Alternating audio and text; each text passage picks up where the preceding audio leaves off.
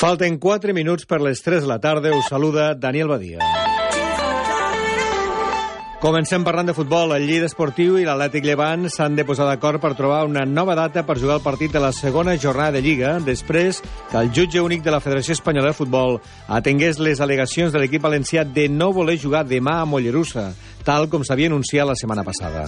L'Atlètic Llevant es va venir a ajornar el partit per les obres del camp d'esports, però sempre que jugués en aquest mateix recinte un cop acabat les obres. Com que això no ha passat, l'equip valencià s'ha negat a jugar demà a Mollerussa i s'ha hagut de tornar a ajornar aquest partit per al qual els dos equips s'han d'acordar una nova data. Aquest ajornament pot provocar-ne un altre, el partit Lleida l'Hospitalet corresponent a la tercera jornada de Lliga, previst per al dimecres 28 de setembre, pot haver-se de tornar a ajornar si el jutge únic dictamina que abans s'ha de jugar el primer partit ajornat contra l'Atlètic Llevant i després el de l'Hospitalet.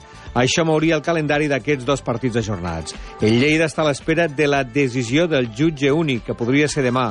Recordem que els tècnics de Royal Albert, l'empresa encarregada de les obres del camp d'esports, van assegurar que el terreny de joc estaria en condicions el dimecres 28 de setembre.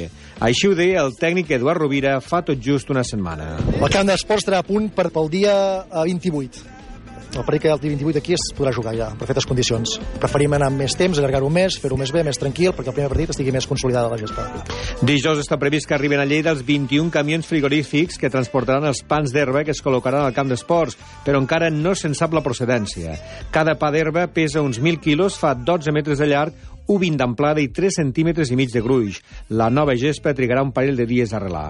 Avui han començat els treballs previs a la instal·lació de les noves banquetes al camp d'esports. La normativa obliga que estiguin una mica ensorrades sobre el nivell del terreny de joc.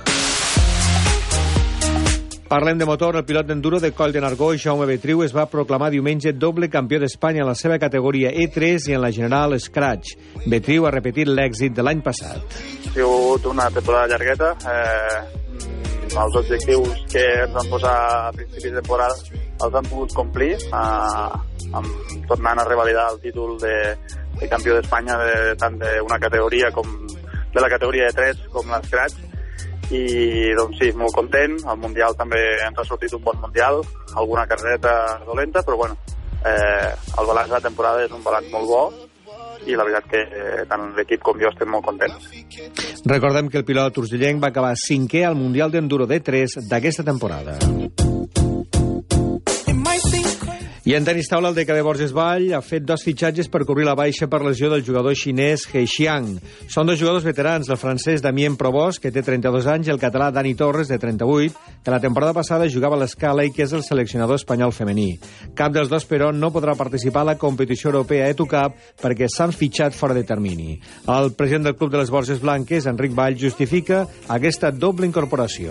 Perquè el Damien Provost, com que juga a la Lliga Francesa, doncs eh, ell li feia molta por de que algun partit fallés.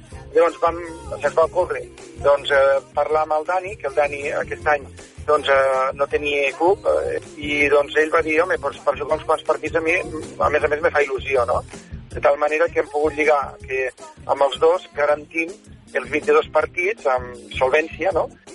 Les incorporacions de Provost i Torres s'afegeixen als jugadors Marc Duran i Oriol Monzó.